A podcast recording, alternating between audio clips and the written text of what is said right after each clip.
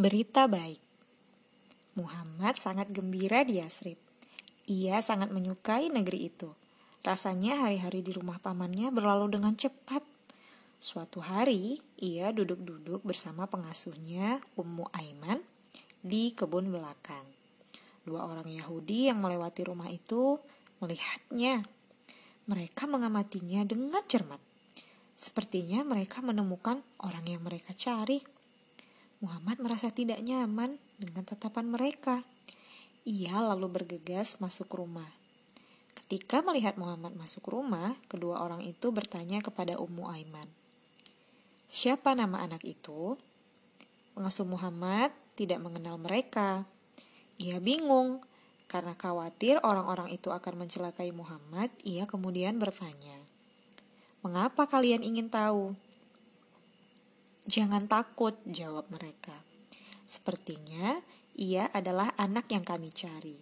Itulah sebabnya kami bertanya, bisakah kau beritahukan siapa namanya? Kami tidak berniat buruk.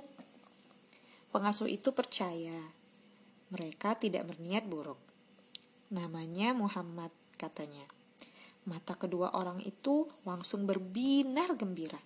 Mereka saling pandang dan tersenyum Mungkin memang itu anak yang mereka cari.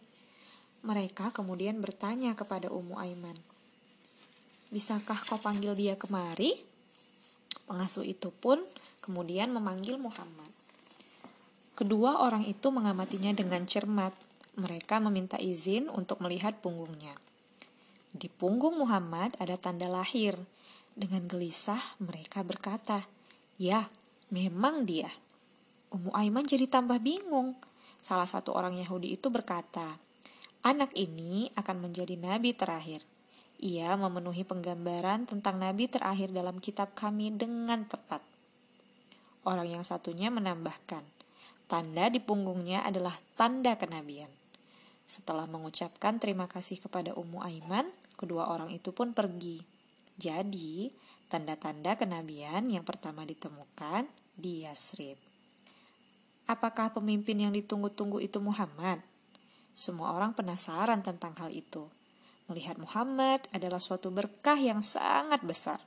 Betapa bahagianya mereka yang mendapatkan cintanya.